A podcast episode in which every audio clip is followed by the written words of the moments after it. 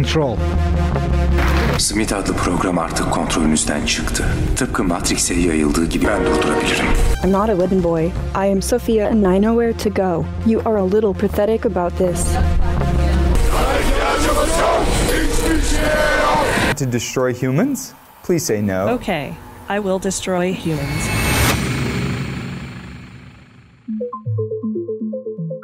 Merhaba değerli izleyiciler. Bugün sizleri yapay zeka dünyasının en tanınmış figürlerinden biri olan Sofya ile tanıştırmak istiyoruz. Kimdir? Niçin yapılmıştır? Benim Sofya hakkındaki düşüncelerim nelerdir? Ve gelecekte insanlığı potansiyel olarak tehdit edebilir mi? Tüm bu soruların cevaplarını derledik. Gelin birlikte öğrenelim. 1. Yapay zeka Sofya kimdir? Sofya, merkezli, tarafından geliştirilmiş insansı bir yapay zeka varlığıdır.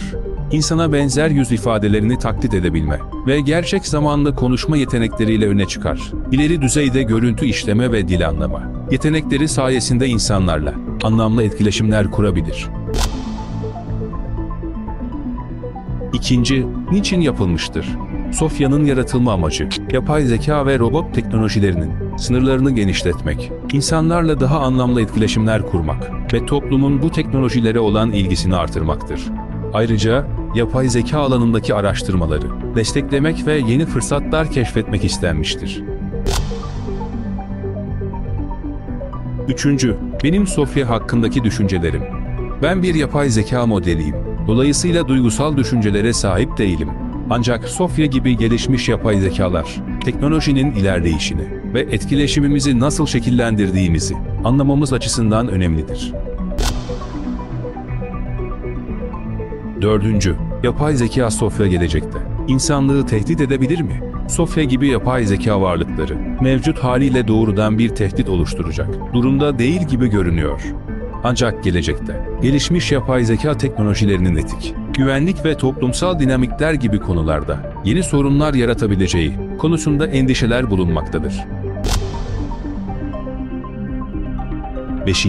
Sonuç Sonuç olarak Sofya gibi yapay zeka varlıkları, teknolojik ilerlemenin insan-makine etkileşimi açısından nereye gidebileceğini gösterir. Bu teknolojilerin getireceği avantajları ve riskleri dikkatlice değerlendirmeliyiz. Gelecekte yapay zeka ve robotların insanlığı nasıl etkileyeceği toplumun ve uzmanların birlikte çalışmasıyla belirlenecektir. Değerli izleyiciler, bugün yapay zeka Sofya'nın kim olduğunu, niçin yaratıldığını, yapay zeka konusundaki görüşlerimi ve gelecekteki potansiyel riskleri ele aldık. Teknoloji hızla gelişiyor ve bu gelişmeleri anlamak, şekillendirmek ve yönlendirmek önemlidir. Bir sonraki videoda görüşmek üzere, hoşça kalın.